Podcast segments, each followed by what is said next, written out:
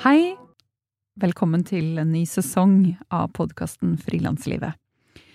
Dette er en podkast av min kollega Hanna von Bergen og meg, Kristina Skreiberg. Hanna er kulturarrangør, og jeg er journalist og fotograf.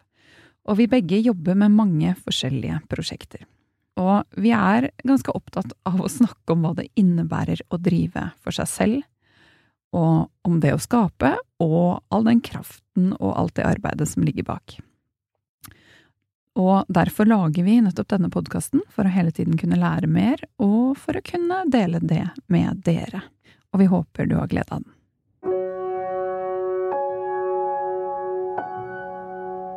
Ukens annonsør er regnskapsprogrammet Fiken.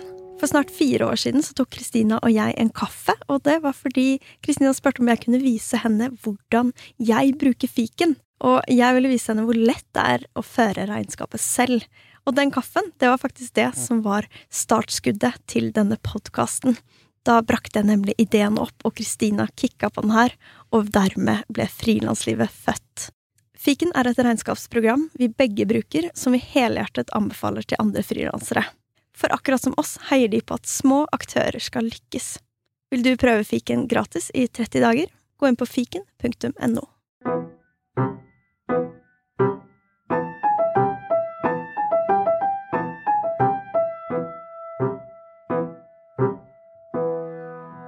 Hei. Hei, Anne! Hallo. Å, det er hyggelig å være tilbake. Ja, du satt her du òg. Dette er jo en episode vi skal ha sammen i dag. Yes. En samtale. Og i denne episoden så skal vi snakke om hvordan takle hjemmekontoret. For det siste året, eh, det har vært beintøft. Og faktisk for ett år siden, nesten akkurat, eh, så lagde vi en episode som eh, het Korona, frilansliv og uvisshet. Og den lagde vi rett etter pandemien førte til at Norge stengte ned for første gang, der 12. mars. Og nå sitter vi her ett år senere, og vi kunne aldri ant at det skulle vare så lenge. Og Oslo gikk jo nylig inn i enda en lockdown, og livet det kjennes litt ekstra tøft ut om dagen. Og vi vil i denne episoden gjerne dele noen refleksjoner, læring om hjemmetilværelsen og tips som har funket for oss eh, for å bedre takle hjemmekontoret. Og sånn livet generelt på hjemmebane når alt bare stopper opp. Ja. Ja. Og selv om den er ganske eh, koronafokusert, eller for det som har skjedd det siste året, så er det også relevant for perioder som er veldig stille. Hvis du har jobba veldig mye, har en pause for et annet type prosjekt, eller når du har få oppdrag, eller rett og slett når det er en liksom nedeperiode. Og jeg tror jo mange er vant til å ha hjemmekontor, men det er noe helt annet når man må være hjemme, og du må være hjemme nesten hele tiden fordi man ikke har noe alternativ. Mens det å ha hjemmekontor syns jo jeg, eh, i de periodene jeg har hatt det, kan være ganske fint fordi det er så mye annet som skjer. Jeg skal ut på oppdrag, eller ha møter, eh, får masse input og energi fra andre steder, eller jeg har en kafé jeg kan gå og sette meg på iblant. Men når ingenting av det skjer, og du må være hjemme, det er litt sånn angstfylt. Mm. Ja. Så hvordan, hvordan har det vært for deg på hjemmekontoret? Det har gått opp og ned. Jeg har jobbet hjemme i akkurat et år nå, og har vanligvis kontor med kollegaer, men det sa jeg opp i fjor eh, sommer, fordi jeg var jo bare hjemme.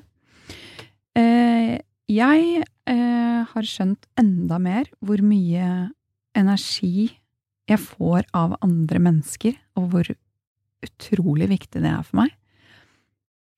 Jeg er veldig glad i å være alene. Eh, jeg er litt sånn enten veldig eh, introvert, at jeg bare sånn er litt sånn flat og eh, orker nesten ikke å ta telefonen og bare lyst til å sone helt ut og være i min egen boble hjemme. Eller så er jeg veldig ekstrovert og bare elsker eh, å komme meg ut. Så den siden av meg som elsker det, den, eh, den lider veldig av det her.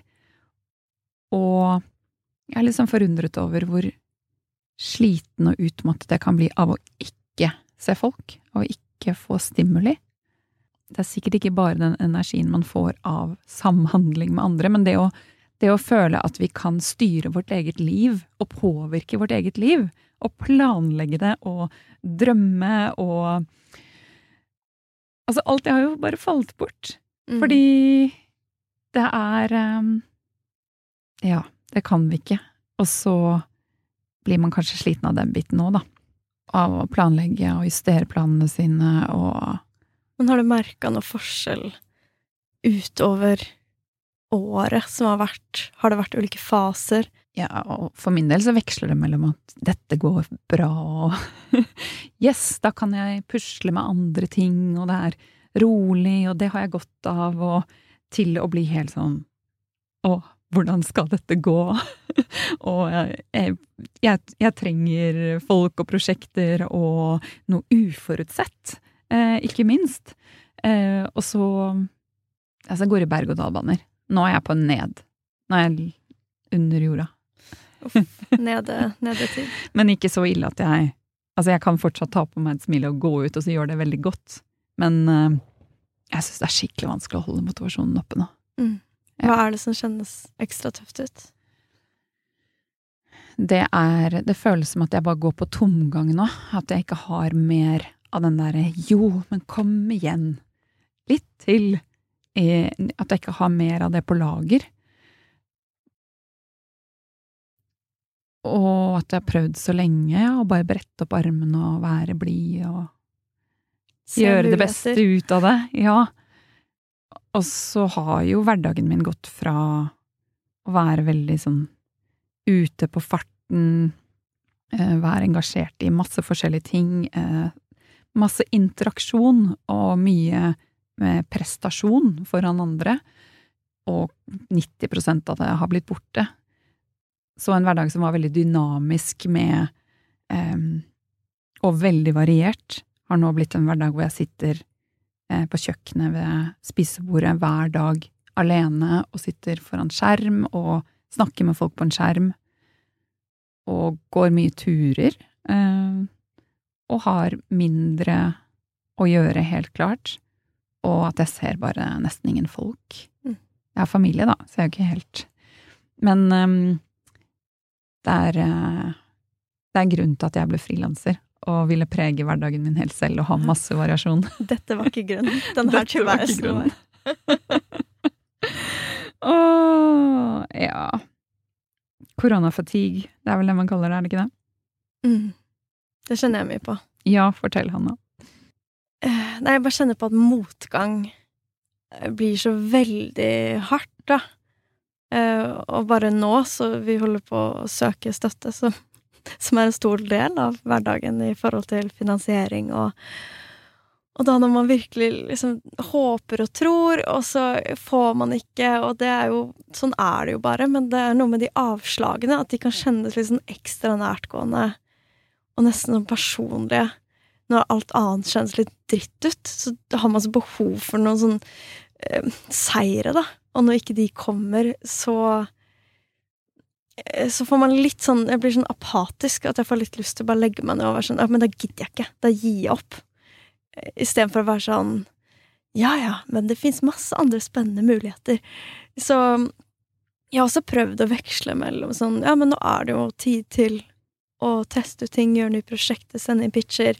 Liksom, ja, være litt på, da. Men uh, så har jeg også vært utrolig mye lei meg hele fjor, og det var mye dritt på privaten òg. Så jeg har liksom Jeg har vært skikkelig mye lei meg.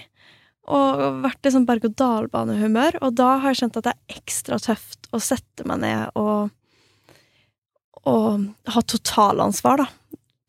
Ha totalansvar for hele frilanstilværelsen.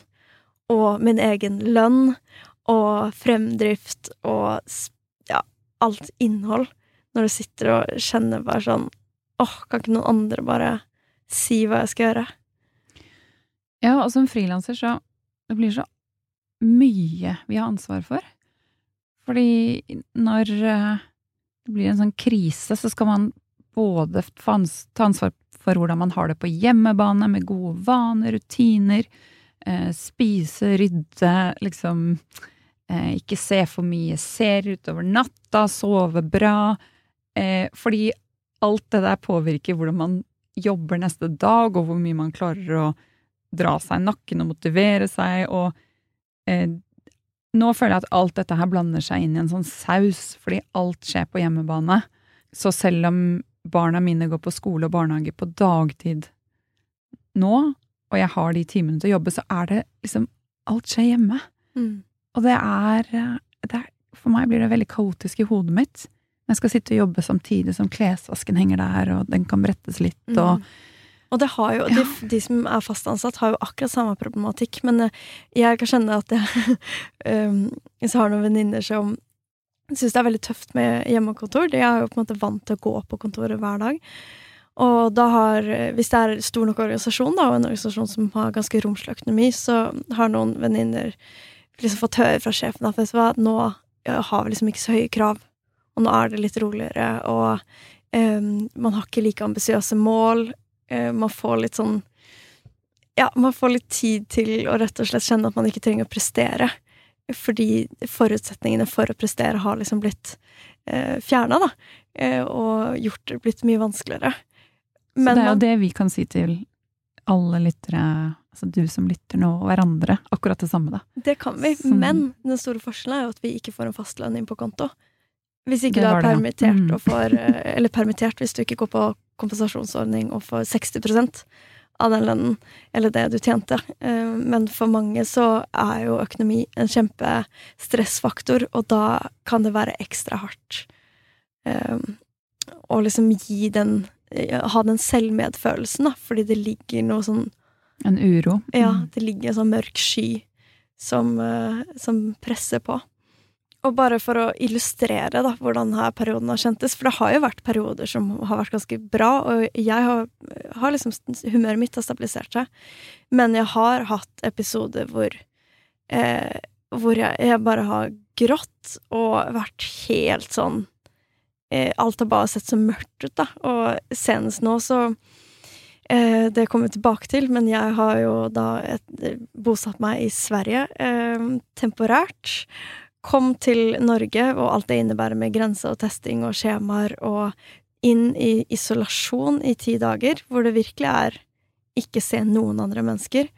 Og så på den tiende dagen, når jeg skal ut, og vi har masse spennende planer i Oslo, så er det en ny pressemelding med at det er lockdown, og det har aldri vært så mye smitte. Og da eh, Nei, da begynte jeg å gråte. Og var så Å, jeg skjønner jeg sånn Å, jeg syns det er så vanskelig, for jeg er så sliten, jeg er så dritt, drittlei. Og da satte jeg på sånn her Av på, av på, av på. Eller mest av. Jeg satte på Le Tigre, som, som støyjenteband og Eller man skal ikke si jenteband. Støyband. Veldig bra. Ja, Mm. og jeg satte på sånn aggressiv musikk. Jeg dro ut, og så bare løp jeg.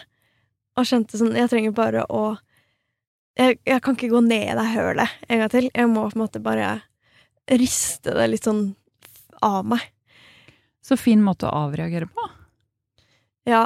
Det er jo kjempesunt. slutt der jeg løp gråtende i refleksvest liksom Å, jeg syns det er fint, det. Ja.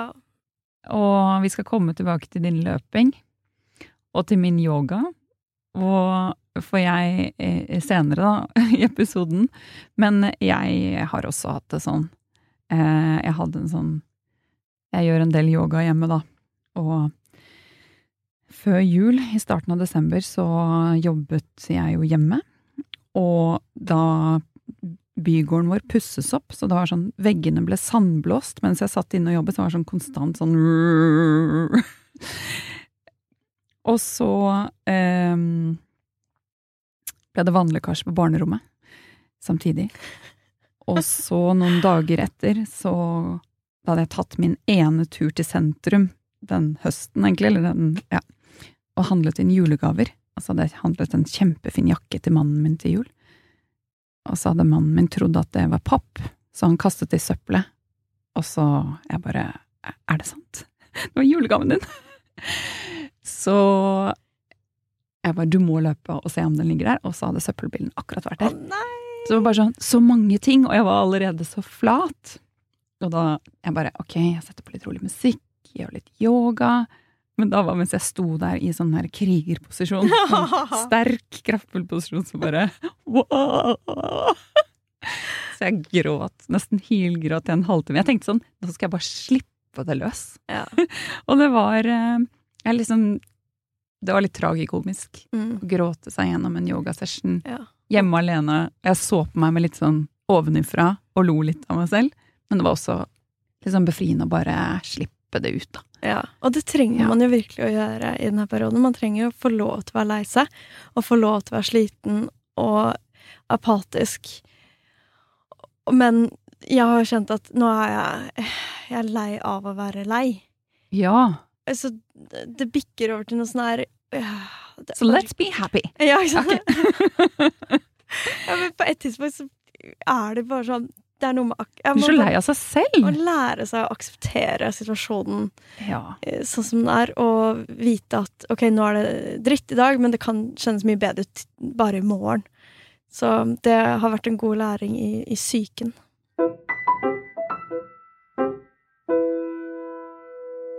Det her året som har vært, og fortsatt er, det nye året, 2021, har vært veldig annerledes eh, for oss alle. For min del har det vært en hel omvending. Jeg har nemlig en svensk eh, kjæreste. Og i fjor så kom han hit eh, rett før det stengte ned. Var her fire måneder. Og så skulle vi til Sverige på sommerferie. Og så eh, kunne ikke han komme tilbake til Norge, fordi han fikk ikke lov til å komme inn i landet. Eh, det var bare hvis vi var, skulle være med barn, eller var forlova, eller ja, hvis han skulle vært norsk statsborger. Så han, ja, og da var vi litt i en situasjon hvor skal vi egentlig bosette oss. Vi hadde også hatt hjemmekontor med min venninne, som jeg eier leilighet med. Så vi hadde vært tre stykker i en liten leilighet i fire måneder, og i en, veldig, en situasjon som absolutt ikke fungerte på lang sikt.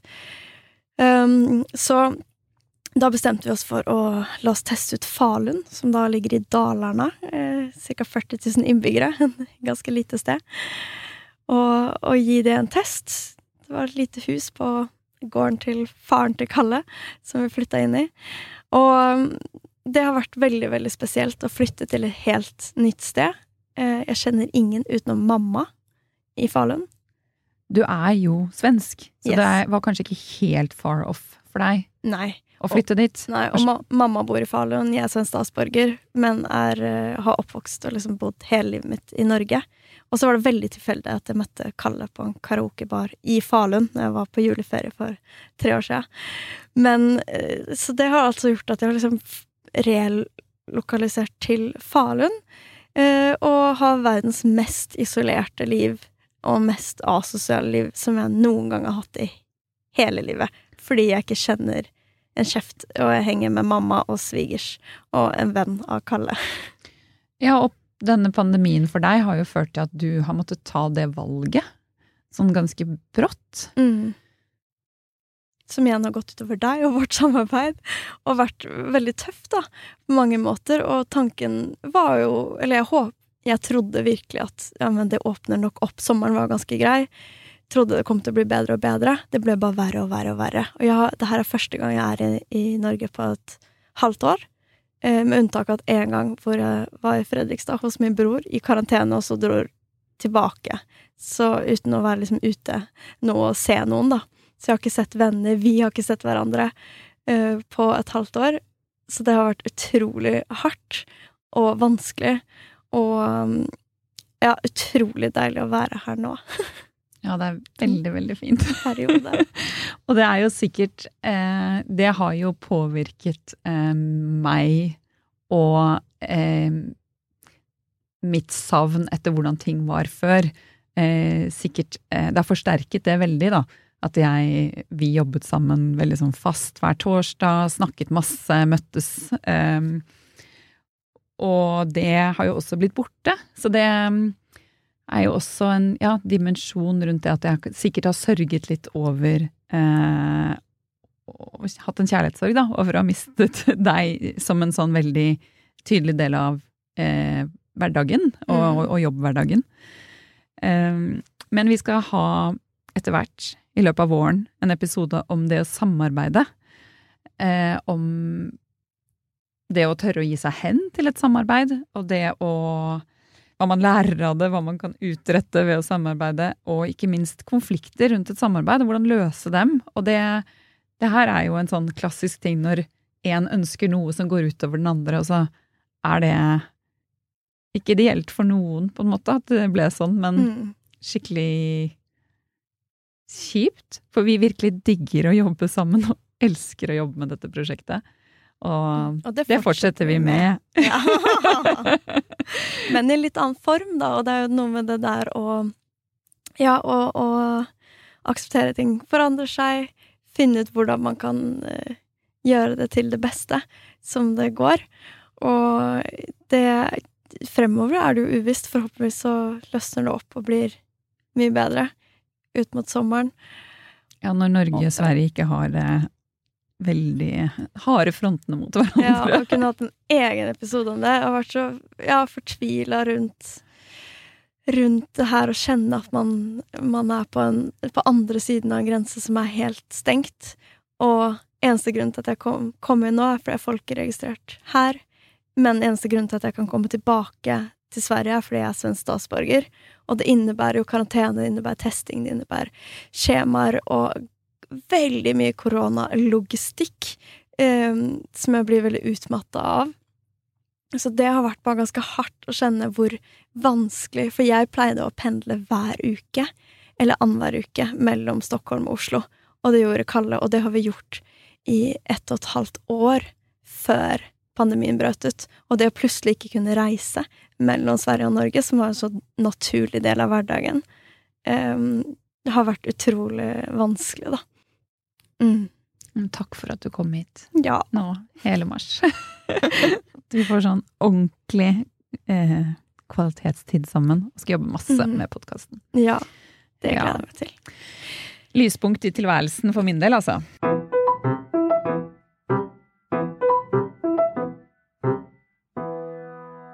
Så skal vi kanskje snakke om hva vi har gjort for å få det bedre.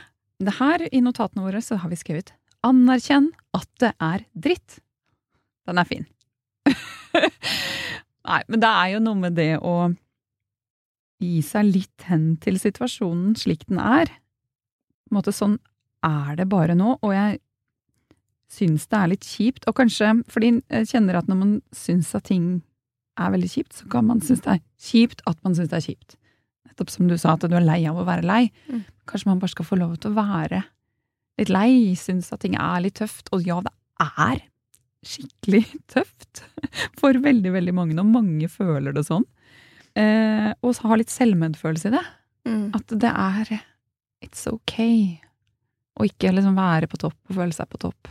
Mm. Alltid. Og det er ikke noe du kan gjøre for å kontrollere omstendighetene. Du kan ikke endre lockdown. Ja, og tenke at For man kan jo noen ganger lurer på om det er en selv det er litt noe galt med. At man mister litt sin egen følelse av selvverd når man bare tråkker rundt i sitt eget, og ikke føler at man får eh, brukt evnene sine, eller vært sammen med folk som man kan speile seg i, og utrette ting sammen med.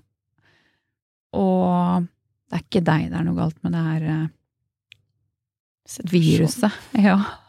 I går satte jeg meg ned og mediterte litt midt i byen på en benk i 20 minutter det var skikkelig vårvær i Oslo og strålende sol. Jeg la ut en post om det på Instagram. Over hva jeg er takknemlig for.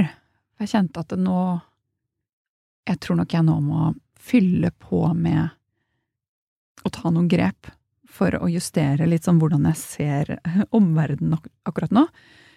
Fordi det er så utrolig mye jeg er takknemlig for. Det er så utrolig mye fint i livet mitt, og fortsatt i hverdagen min. Og spesielt nå. Nå det er starten av mars, og du skal være her hele måneden. Du er jo nå i Sverige, egentlig, eller bor der. Så det er det å klare å være til stede i det man faktisk syns er fint, og ta bort det derre sløret som er litt sånn dystert. Så det er en øvelse jeg skal gjøre litt mer mm. fremover meditere på ting som faktisk er bra, og neste meditasjon blir ting jeg faktisk kan, som jeg føler at jeg, som jeg digger å gjøre og kan gjøre, og ting jeg mestrer. Og man trenger ikke å meditere og sitte og lukke øynene og være helt stille, men kanskje stoppe litt opp og ha det, ja, da, den selvmedfølelsen med seg selv. Mm. Setter du deg ned og tenker, velger et tema, sånn som takknemlighet, eller eh, ja, hva du er god på, eller Ikke vanligvis, men nå, nå, nå må jeg det. Nå må jeg være litt mer sånn eh, strukturert i hva jeg trenger å fylle på med. mm, Det er veldig fint. Kan, man kan jo høre på mye også sånne eh, ledete meditasjoner i diverse apper òg, som også har sånne temabaserte Ja. meditasjoner. For noen, det jo, noen ganger så trenger man å gå inn i hodet, sånn som med meditasjon. Sånn, liksom fjerne alt annet og liksom virkelig eh, ha fokus. Um, og noen ganger så føler jeg at det er At man har behov for det helt motsatte. Stikke ut på skitur, eller eh, Jeg vet ikke, se på actionfilm og spise taco, eller eh, gjøre noe liksom Noe som bare fjerner deg fra å tenke og gruble også. Uh, sånn at man bare distanserer seg litt fra sitt eget hode, Løpe da. til Le Tigre. Ja, Ja. faktisk. Helt klart. Ja ja, det er, begge deler er kjempenødvendig. Mm. Det er bare at jeg har gjort, gjort lite av det tune inn i det siste. Ja. Det har vært veld, veldig sånn Jeg vet ikke. Fra det ene til det andre og Ja. Sett masse på serier. Prøvde å fjerne meg kanskje litt mye, da. Ja, ikke sant? Tune inn litt. Komme litt tilbake. ja. Er det noen Men- andre ting du har gjort som du syns har ja, hjulpet i denne hjemmetilværelsen? Turer med venner. Se venner når man kan se venner. Um, men jeg merker jo at når, når jeg har det tøft, og det tror jeg eh, mange kan kjenne seg igjen i, eller når, når jeg syns at ting er litt tungt, og jeg ikke er min sånn eh, I mitt mer vanlige meg, da, det, hvor jeg er vant til liksom ringe og være glad, eller ta initiativ. Hvis jeg skal ringe og egentlig bare være litt sånn hei, um, så tar jeg mindre kontakt og er mindre oppsøkende mot de rundt meg, og de som bryr seg om meg. Men det er jo da man trenger det. Mm. Så det er litt, det er litt synd det der at man skyver omverdenen litt unna og lukker seg litt inni seg selv når man syns at det er litt kjipt. Mm. Fremfor å bare du, jeg syns det er litt kjipt nå, men jeg bare har skikkelig lyst til å henge. Så føles ting sikkert litt bedre etter hvert. Det, så det har jeg vært litt bevisst på, og prøve å strekke ut en hånd også når jeg ikke er kjempehappy og sprudlende. Mm. Man kan være sammen da òg, Ja, det er fint tips. fordi jeg tror det hjelper skikkelig. Og det fins jo mange måter å, å ses på. Enten kan man gå tur ute fysisk, eller ringe hverandre. Man kan jo gjøre quiz på nettet, man kan game, man kan altså eh, sende en låt. Altså det fins mange måter som kanskje ikke er den der tradisjonelle eh, ses på Zoom, som man kanskje er litt drittlei av, da. Åh, gud så lei. Så der gjelder det også liksom faktisk gå sammen en gjeng og tenke sånn hva, hva kan vi gjøre? I går så løp jeg en tur eh, med kjæresten min eh, på telefon, så vi løp begge to ute, og så hang vi sammen mens vi var ute på joggetur og pratet sammen. Ja, vi løper såpass sakte at det går Vi løper i snakketempo. Så, og det var litt fint å Eller bare ja, gjøre litt sånn Ses på en litt annen måte. Ja, og en venninne av meg ble 40 for noen uker siden, og vi overrasket henne med eh, bål og bading på Bygdø, eh, hvor vi var en gjeng, og jeg lagde sjokoladefondant på bål. Altså man lager liksom ting man kanskje vanligvis ikke ville gjort. Og det ble også utrolig fint. Mm. Så um, alle vet sikkert det her, at man bare kan møtes ute nå istedenfor å møtes inne. Men at eh, wow. wow. Wow, var dere ute? Lag, rundt et bål? Wow. Ja, men det er kanskje litt banalt, men man gjør det ikke. Jeg er som deg, at hvis jeg er litt nede, så er det ikke nødvendigvis da jeg ringer folk, eller for man føler seg litt til bry, eller Ja, man kanskje tenker at man ikke orker eller vil, men så er det Mm. egentlig det som hjelper, da, og som er veldig fint å gjøre. Så er det noe med å noen ganger gå imot sin egen eh, intuisjon, da. Ja, absolutt. og faktisk heller si at ja, men jeg tester det, og så kjenner jeg hvordan det var etterpå. Ja.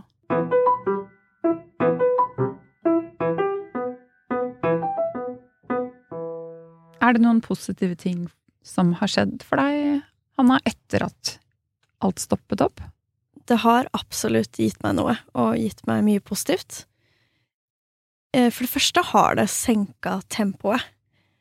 Og det Jeg har hatt et veldig høyt tempo, og jeg har en veldig mye bedre balanse mellom jobb og fritid nå. Jeg har skrudd til den her måleren på hva som egentlig en dag bør inneholde, en uke bør inneholde. Som kanskje før så tenkte jeg at ja, men den skal være full av så utrolig mye aktiviteter, jobb, spennende ting. Mens nå den, har den liksom blitt skrudd ned til et for lavt nivå, da. Men at det gir liksom muligheten til å etter pandemien og kanskje velge eh, nivået man vil ligge på litt mer, og at den kanskje ikke er like aktiv som den var før pandemien, men heller ikke like inaktiv som den er nå, da. Eh, fordi det er utrolig deilig å kjenne at man ikke ligger bakpå hele tiden. Det har vært fantastisk eh, nå å få litt mer pusterom. En annen ting som jeg har tenkt på veldig mye under pandemien, er eh, det her med generalist versus uh, spesialist. Og det her har vi tatt opp noen ganger tidligere i podkasten også. Fordi jeg har ofte hatt litt problemer med å føle at jeg, jeg, kan litt av alt, og vært litt usikker på men hva er det egentlig um, Ja, hva, hvor er det, er det, en bra ting, eller er det en dårlig ting, eller det er litt vanskeligere å, uh, å, å jobbe med da, enn å vite at du er skikkelig god på liksom, den her tingen. Mens nå under pandemien så har jeg vært så utrolig takknemlig for å ha jobba så bredt. Fordi, som jeg sa, nevnte tidligere, så har jeg primært jobba med kultureventer tidligere. Men siden vi har starta denne podkasten, så har jeg også gjort en annen podkast og gjorde en koronapodkast som heter På avstand, som ble sendt på NRK Ekko i fjor, som jeg lagde på våren. Og det har jo gitt meg liksom et helt annet ben å stå på, økonomisk og innholdsmessig, enn, eh, enn hvis jeg bare hadde gjort én ting. Så jeg kjenner jo at når den ene eh, no, Når noe faller bort, så er det lettere å finne muligheter, fordi jeg jobber såpass bredt. Så det har vært veldig spennende å se at det plutselig har blitt en styrke. Jeg sitter og nikker, egentlig til begge tingene du sa, om at, uh, å komme tilbake til et liv som er litt roligere enn det var, og halleluja for å være potet. ja. Jeg, jeg hadde foredrag på svensk, og så sa jeg det her, og så uh, innså jeg at det er ikke, man har ikke det uttrykket på svensk. Å oh, ja. være en potet, så da blir du helt misplassert. Men hva, hva betyr det? Hva sa du? Jeg er en potatis. Ja. ja. og folk bare what? Hun er en potet, liksom. Mm. Men dere skjønner hva vi mener? Ja. At, som om jeg ville sagt sånn Ja, jeg er et eple. Ja. Veldig filosofisk. ja. Det skjønner jeg. Jeg er mm. en purre. oh, ja. Altså halleluja for at vi er purre. Ja.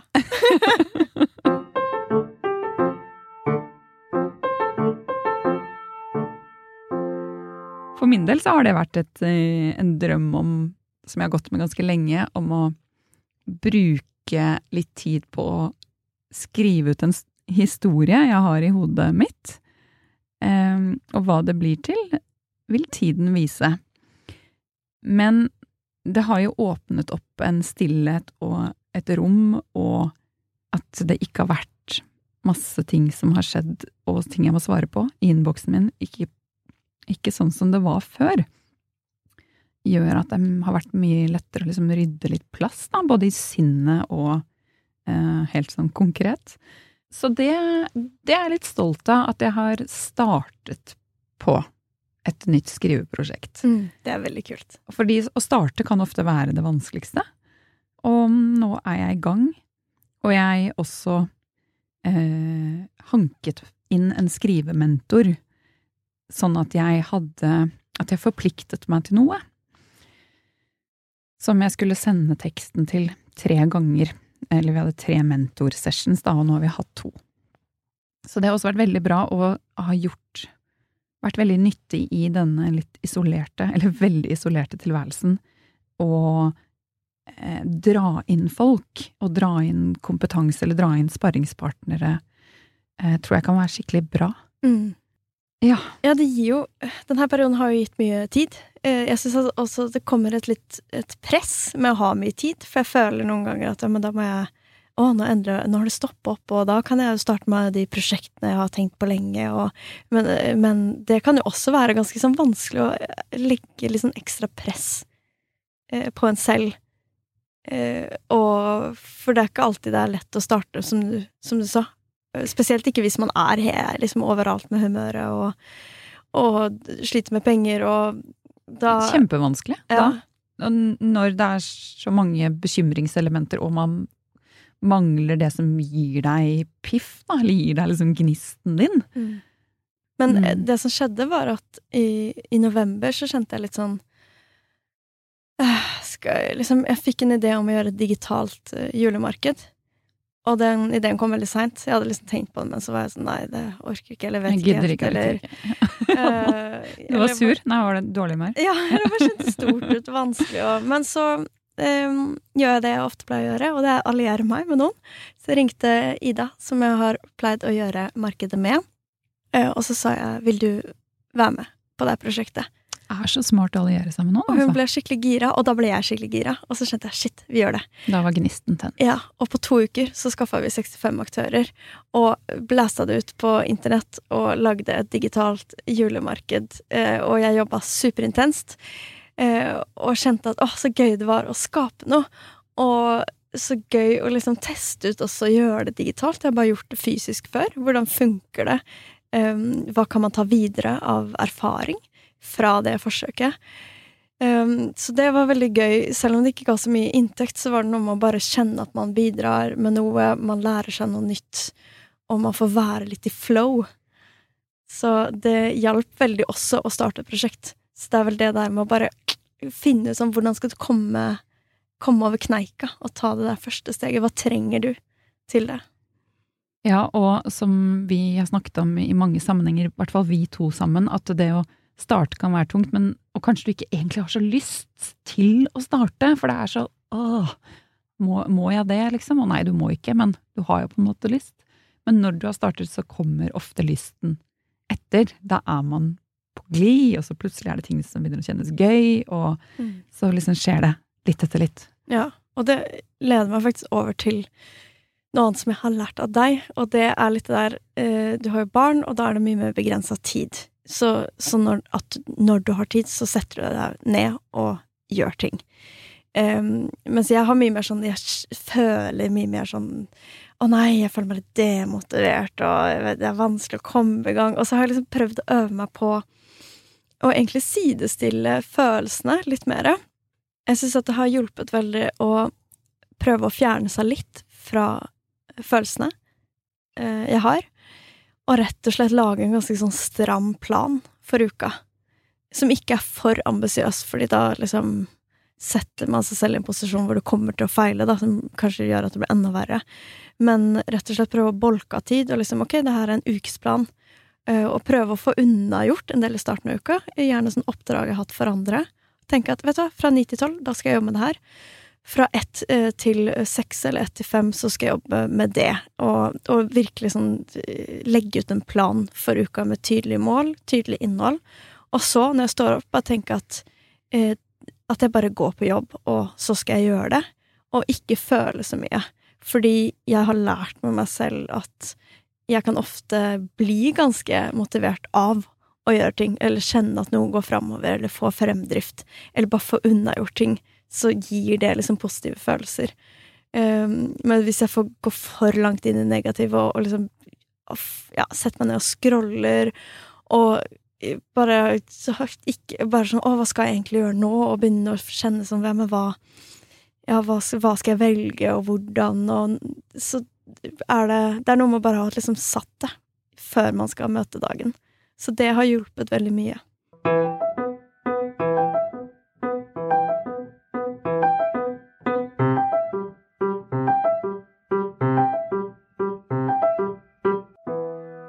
Jeg har eh, i vinter hatt eh, veldig eh, få oppdrag, og veldig mye mindre som skjer. Og da er jeg også Jeg lager jo ofte sånn ukesplaner. Sånn den dagen Det er ikke alltid jeg får bolket inn hele dager til ting, men jeg setter opp litt sånn Da vil jeg jobbe med det og det og det og det. Hvis jeg ikke allerede har et sånt 'dette må gjøres', og 'her er et møte' og sånn. Men mer en skisse på 'dette er jeg'. Sånn har jeg lyst til å disponere min tid denne uka. Eller disse ukene som kommer. Og det jeg i de siste månedene har hatt for første gang på veldig, veldig lenge, er eh, følelsen av at ja, jeg våkner den dagen og tenkte at nå skulle jeg jobbe med podkast. Men vet du hva, i dag er det skikkelig fint vær. Eh, og jeg må også lytte til et webinar. Det hadde jeg tenkt å gjøre i morgen. Så i dag tar jeg heller en tretimers tur ut i sola og tar med meg det webinaret på øret. Og så jobber jeg med podkast i morgen. Og det er så uvant å nå ha jobbet med ting som ikke har så mye å si når jeg gjør det. Fordi til vanlig så må noe være gjort innen torsdag, det andre må være gjort innen fredag, osv. Og, og det har, det har vært skikkelig uvant. Eh, for jeg har nok vært mye mindre produktiv av det. Men det har også vært litt sånn godt å få lov til å bare eh, Eller å ha litt selvmedfølelse tilbake til det, da. Egentlig at det, Nei, nå kjennes det faktisk riktigere å bare gjøre dette istedenfor. Og jeg, denne perioden gir meg anledning til å velge litt og flekse litt. Og nå vil jeg jobbe med Nå vil jeg skrive i tre dager på rad. Oi, det gikk faktisk greit, fremfor å disponere tiden min sånn, altså. Mm, ja, gå litt der hvor energien er. Ja. Så det er jo veldig, veldig bra at Mm. du At man ikke bare 'nei, jeg har ikke energi til det i dag, så da dropper jeg', når det er ting man faktisk må. Men å også la seg lede litt, eh, hvis man først har den anledningen. Hvordan ser liksom hverdagen din ut? Jobber du ni til fem hver dag, eller hvordan, hvordan har liksom det endra seg? Ja, jeg ser at jeg både trenger og ønsker å ha mye mer bevegelse inni hverdagen min. Og derfor har jeg tenker jeg at det går helt fint for meg, i hvert fall nå, kanskje ikke senere, å starte, starte dagen ti. Og så får jeg beveget meg tidligere på dagen, eller at jeg eh, går en lang tur midt på dagen, hvis jeg har anledning til det. Men dette er jo litt utopisk, så dette handler jo kanskje litt mer om hvordan håndtere litt sånn uforutsette, stille perioder, og prøve å bare rigge det til for at det også skal bli litt ok. Mm, og kjenne at du ikke At, at uh, du ikke trenger å liksom stirre på dataen i nødvendigvis åtte timer om dagen. Men- ja, og det har jo gitt meg en eh, litt sånn eh, realization om at jeg har ikke lyst heller til å fortsette å stirre på dataen eh, fem dager i uka. Eh, som gjorde at jeg har tatt eh, yogalærerutdannelse i løpet av denne tiden her. Så noe har jo skjedd. Noe, jeg har jo liksom tatt tak noen steder og fått gjort en del ting jeg ellers ikke ville ha gjort, og som eh, er litt sånn for min del forsikring for fremtiden. At eh, jeg både jeg har lyst til å gjøre det, og jeg føler at jeg, min kropp, den trenger det. At jeg beveger meg mer. Og jeg vet ikke om jeg hadde tenkt sånn hvis hverdagen bare hadde rullet som før. På samme måte. Mm. Ja, det gir jo en anledning til å stoppe opp og tenke hva er det jeg egentlig vil framover? Hvordan vil jeg rigge frilanslivet mitt? Hva funker veldig bra, som jeg skal ta vare på og bygge ut videre? Og hva eh, kan jeg endre på? Og hva slags nye ting? Så det her er jo et godt eksempel på det der med å lære seg noe nytt.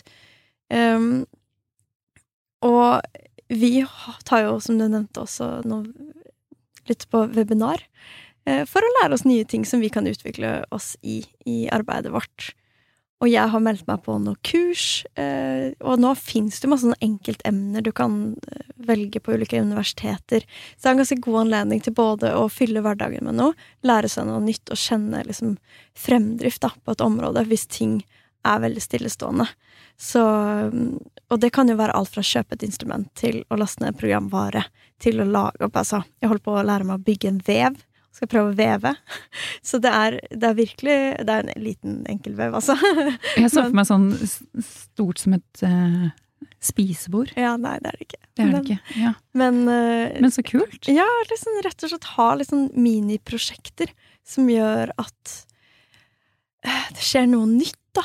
Og man kjenner at man utvikler seg, for det er så utrolig grunnleggende så for, for å liksom føle seg hel, er det å kjenne at man utvikler seg. Og for, du snakka litt om det her med trening og fysisk aktivitet, og der har jeg en helt fantastisk ting som jeg vil dele. Å ja, det er veldig inspirerende. Fortell. Og det er at jeg har begynt med noe som kalles runstreak. Mulig en del av dere har hørt om det, og kanskje andre ikke. Men det er rett og slett ja, hva skal man si, en slags treningsform eh, som går ut på at du jogger deg en tur hver eneste dag. Og det som gjør at det funker, eh, også sånn for kroppen du, For det er jo Hvis du går ut og løper en mil, liksom, så kan du skade kroppen, og det er ikke bra. Akkurat som hvis du går ut på en sånn superhøy styrkeøkt og gjør det feil, så det, kan det skade mer enn det bidrar med, da. Men eh, her så skal man starte kjempe, kjempesmått. Så det her skjedde i november, faktisk på bursdagen min. Så bestemte vi sånn Vi gjør det i dag. Eh, og jeg har gjort det samme med da samboeren min. Og vi har begynt å løpe Begynte med 1,5 kilometer. Og det tok kanskje et kvarter. Og vi løper kjempe, kjempesakte, så du kan nesten gå ved siden av oss. Så sakte vi løper vi. Og det er mest bare for å komme seg ut og lufte seg. Og så gjør vi noen styrkeøvelser sånn at man liksom får løping som passer bra. Um, rett før. Og det hele tar 20 minutter. Altså veldig kort tid. Og det er ikke så veldig anstrengende. Men Runstreak, er det en app, eller? Altså, hva, hvorfor kalles det akkurat det? Er det et kon eget konsept? Det er et eget konsept. Uh, det, er, det fins grupper som liksom driver med det her. Det fins sikkert en app, og det fins um, coachingprogrammer og alt mulig sånn, men jeg har bare vi har bare begynt med det fordi vi kjenner noen andre som har gjort det. Og så tenkte vi sånn, det her er egentlig en ganske kul måte å bevege seg på, fordi jeg aldri har fått til en treningsrutine. Altså sånn, jeg har aldri trent på fast basis noen gang. Men det å klare å gå fra å ikke ha trent noe særlig til å gjøre noe hver dag, det er den biten jeg egentlig er mest imponert over. At eh, den staminaen eh, Og at du aldri viker. At du, dette gjør du. Mm. Hvordan klarer du å ha den og ja, opprettholde det? Det er helt utrolig. Igjen så har det hjulpet veldig å alliere meg med noen andre. Så jeg og typen gjør jo det her sammen, som gjør også at vi rettet jobb så er det sånn ok, vi gjør det nå med en gang. Og det er ikke sånn at du trenger å ha spist masse og liksom være fit for treningsøkt, fordi det er litt som du trenger ikke å spise et stort måltid før du går på en gåtur. Sånn sett har det funka veldig bra, fordi det er såpass enkelt og lite anstrengende. Og når vi har gjort det sammen, så har det vært enda lettere. Og så tror jeg også at det begynte som sånn Vi, gir det en test. Det er ikke noe sånn nå skal vi gjøre det her i ett år, eller har, vi har ikke satt noe sånn tid på det. Vi, vi tester ut. Og så er det noe med å gå gjennom motivasjonen. Så hvorfor vil jeg ikke gjøre det her? Hvorfor er det viktig for meg? Og det her har vært liksom ofte den eneste gangen på dagen jeg har kommet meg ut av hjemmet. Og jeg har innsett hvor fantastisk det har vært å bare få litt frisk luft eh, riste fra seg litt sånn jobbdagen. Skille mellom jobb og fritid. Eh, når jeg kommer tilbake til joggeturen, så er, er, det fritid. Og så tror jeg også det har vært så kult å se at vet du hva, det funker å løpe midt på vinteren. Eh, det er helt fantastisk å se liksom naturen hver dag. Eh, og og jeg tror jeg har liksom satt pris på liksom de små tingene og kjent sånn Å, shit, det her gir meg skikkelig mye. Og jo mer jeg kjenner at det gir meg, jo lettere er det å, å gjøre det hver dag. Og her om dagen så var jeg skikkelig sliten, og klokka halv ni var ferdig med alt som skulle gjøres for dagen. Kjente sånn Å, ut og løpe nå. Øh. Men så tenkte jeg sånn Men det pleier å være skikkelig deilig. Så tenkte jeg sånn Jeg gjør det bare, og så ser jeg hvordan det føles. Og så kom jeg ut, og tenkte jeg sånn Å, det her syns jeg jo er ganske digg. Um, og det er såpass kort, så det er liksom ikke sånn eh, Det, skal, det er hele poenget. At det skal være eh, lavterskel, da. Og det at man gjør det hver dag, da blir det ikke noe spørsmål skal jeg gjøre det i dag, skal jeg ikke gjøre det i dag. Nei, du skal gjøre det i dag. Fordi det er det som er Eller det er det som jeg syns har funka så bra med det. For da blir det ikke sånn at jeg skal gjøre det på onsdag, men så ja, Jeg ble ikke onsdag likevel, men kanskje torsdag. Nei, jeg ble ikke torsdag. Så ja, kanskje absolutt ikke funker for deg, men Eh, hvis du ble gira, så vil jeg absolutt anbefale deg å teste det ut. Og nå har det gått 100 dager. Gratulerer. Så det der med å liksom tørre å eksperimentere litt i sin egen hverdag, det er jeg veldig fan av.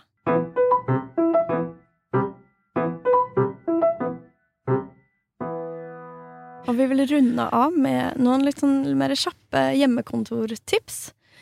Eh, så ta det du vil. Eh, kast det du ikke vil ha. Eh, men eh, her kommer altså noen ting som vi syns har fungert for oss. Det her med å skille arbeidstid og fritid, og virkelig være sånn konsekvent med det når alt skjer i hjemmet. Alt flyter sammen.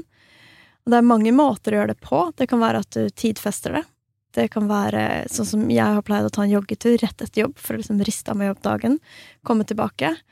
Eh, eller bare rett og slett bestemme seg at eh, jeg jobber ti til to, eller fredager jobber jeg ikke, eller altså et eller annet annet.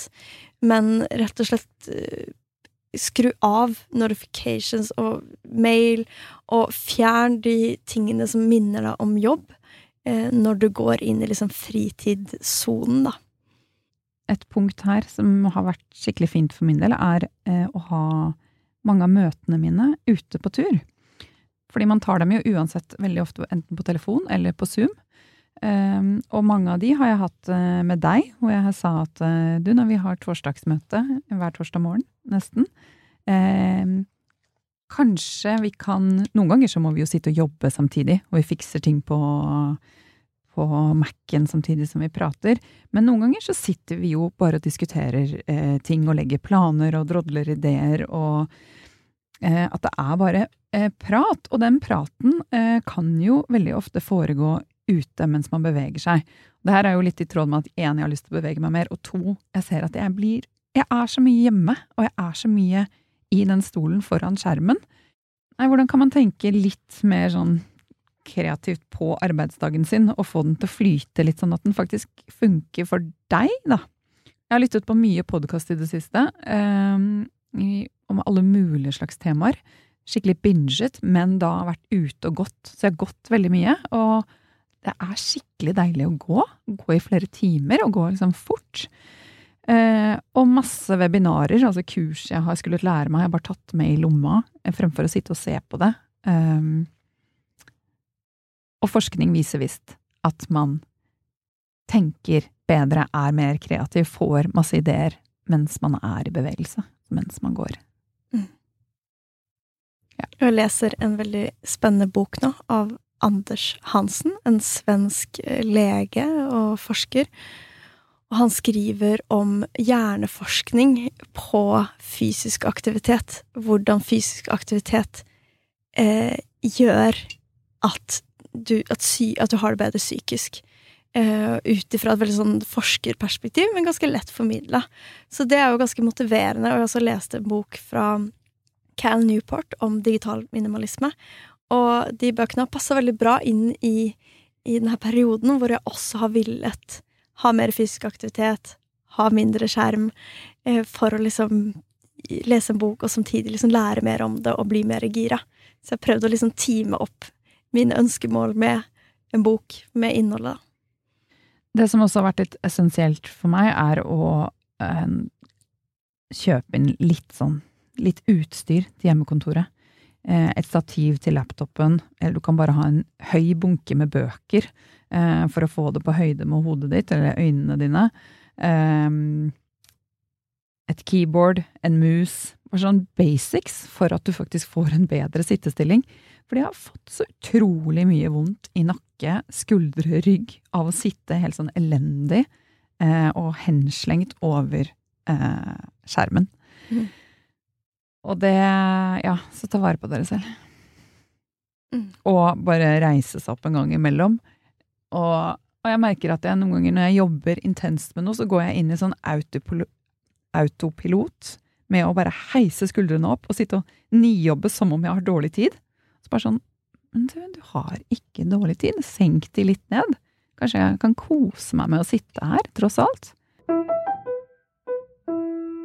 Jeg kan ha dager hvor jeg bare drar på meg et eller annet komfortabelt, og jeg er ikke representabel.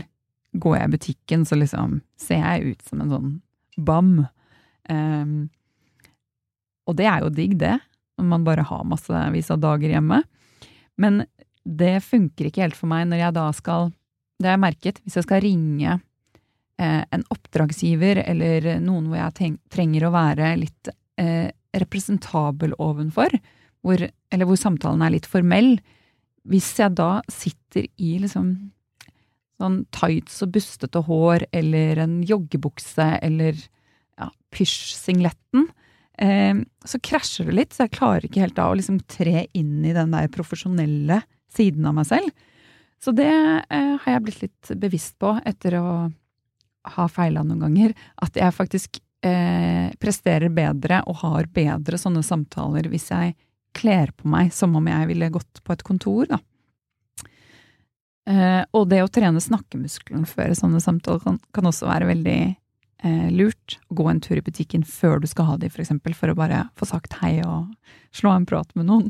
Eller ringe en venn, eller noe sånt.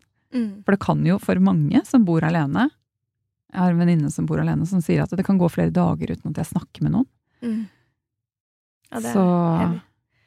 Man blir liksom, Ring en venn. Og bare liksom, anerkjenne at man er litt sånn sosialt utilpass. Fordi man er så mye mindre sosial enn det man er vant til.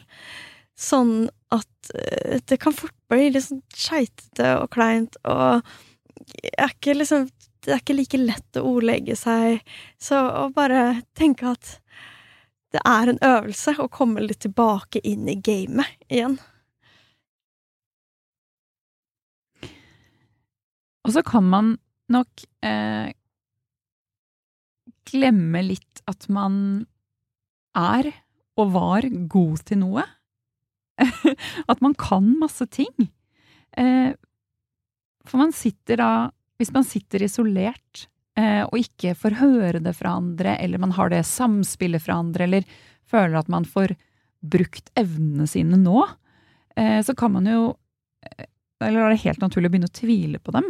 Har jeg de evnene? Har jeg de fortsatt? Kan jeg det som jeg trodde jeg var god på? Eller Altså, det kan jo gå veldig utover selvverdet. Og det har jeg snakket om før, men det er noe jeg har gjort i mange år. At jeg har en mappe i mailboksen min som heter komplimenter. Og når det kommer en hyggelig mail, en hyggelig tilbakemelding om et eller annet eh, en eller annen jobbgreie, eller hva som helst, så Og det er jo ikke så ofte at vi mennesker er flinke til å gi hverandre sånn skikkelig bra tilbakemelding, men når det skjer, så slenger jeg det inn i den mappa der, sånn at jeg vet at jeg har de lagret. Jeg kan gå og titte, hvis jeg en dag skulle være skikkelig i tvil på mine, mine egne evner. Mm. Og, det, og, jeg tenker at det, eh, hvis man ikke får brukt eh, hele seg akkurat nå, når man en dag skal det, så husk at vi har det i oss. Selv om det er lenge siden man har gjort noe, så alt det man har gjort, det, det kan vi. Jeg har også uh, blitt inspirert fra det her og laga min egen komplimentboks, virtuelle boks, uh, hvor jeg legger ta screenshots av ulike av mailer, eller om det er Facebook-melding, eller hva det nå er. Det var lurt å putte de også inn der. Ja, og det er skikkelig fint. Og varmer hjertet når man har en litt sånn dårlig dag, å kunne gå tilbake og lese der. Ja, det er litt sånn uh, hvordan styrke selvtilliten. Mm. Ja. Og her kan vi også tipse om en tidligere episode uh, med en psykolog som heter Per Einar Binder, som, hvor episoden heter Din indre kritiker. Uh, hvor vi snakker om dette med selvmedfølelse. Og det bringer oss egentlig til vårt siste tips. Det er det der å Det du gjør, er ikke det samme som din verdi Eh, den er helt uavhengig av det du presterer og lager i, i jobb. Det kan handle om altså, er, ja, at du er omtenksom og god med andre rundt deg. Eh, du er et helt menneske, og jobben din er bare en bitte liten del av det mennesket. Så ha en fin balanse mellom det her å pushe seg selv, men også vise litt selvmedfølelse og være god med deg selv i denne perioden, som er en veldig spesiell periode for alle. Ja, det er virkelig tiden for å ha selvmedfølelse. Mm. Og så, ja, nå satt jeg og tenkte på at det kan være fint å nevne eh, Du har jo jobbet med hjemmesiden din i denne perioden her. Og det har jeg også, for noen måneder siden. Og det kan, eller er veldig fint å sette seg ned og se hva man faktisk har gjort i løpet av de siste årene. Eh, for det er så lett å glemme alt man har vært med på, alt man har skapt, alt man har gjort. Man bare, vi ser så mye fremover. Og for meg var det veldig sånn Wow, jeg gjorde det, og det var utrolig gøy. Og det fikk meg til å tenke på at det, det er jo så mye jeg har vært med på, og det er så mange muligheter, og det er så mye gøy man kan. Og at da er det jo det eh, fremover òg, på et eller annet tidspunkt. Det ga meg litt sånn gnist tilbake og litt sånn Ja, du er eh, Du har vært med på livet. du har gjort noen gøye ting. Ja, og for dere som er selv om det ikke skjer nå. og for dere som er helt i starten av karrieren, så eh, kommer det så mye spennende og gøy. Og liksom Ja, og det der å glede seg litt, da, til alt det fine. Yes. Mm. Um, hang in there. Ja, hang in there. Nå kommer det masse episoder fremover. Masse fint. Det gleder vi oss til. Det gleder vi oss til. Da kommer vi litt mer på banen. Mm. Og da kommer sikkert humøret til å stige Yes. underveis. Mm. Yes. Ha det. Ciao.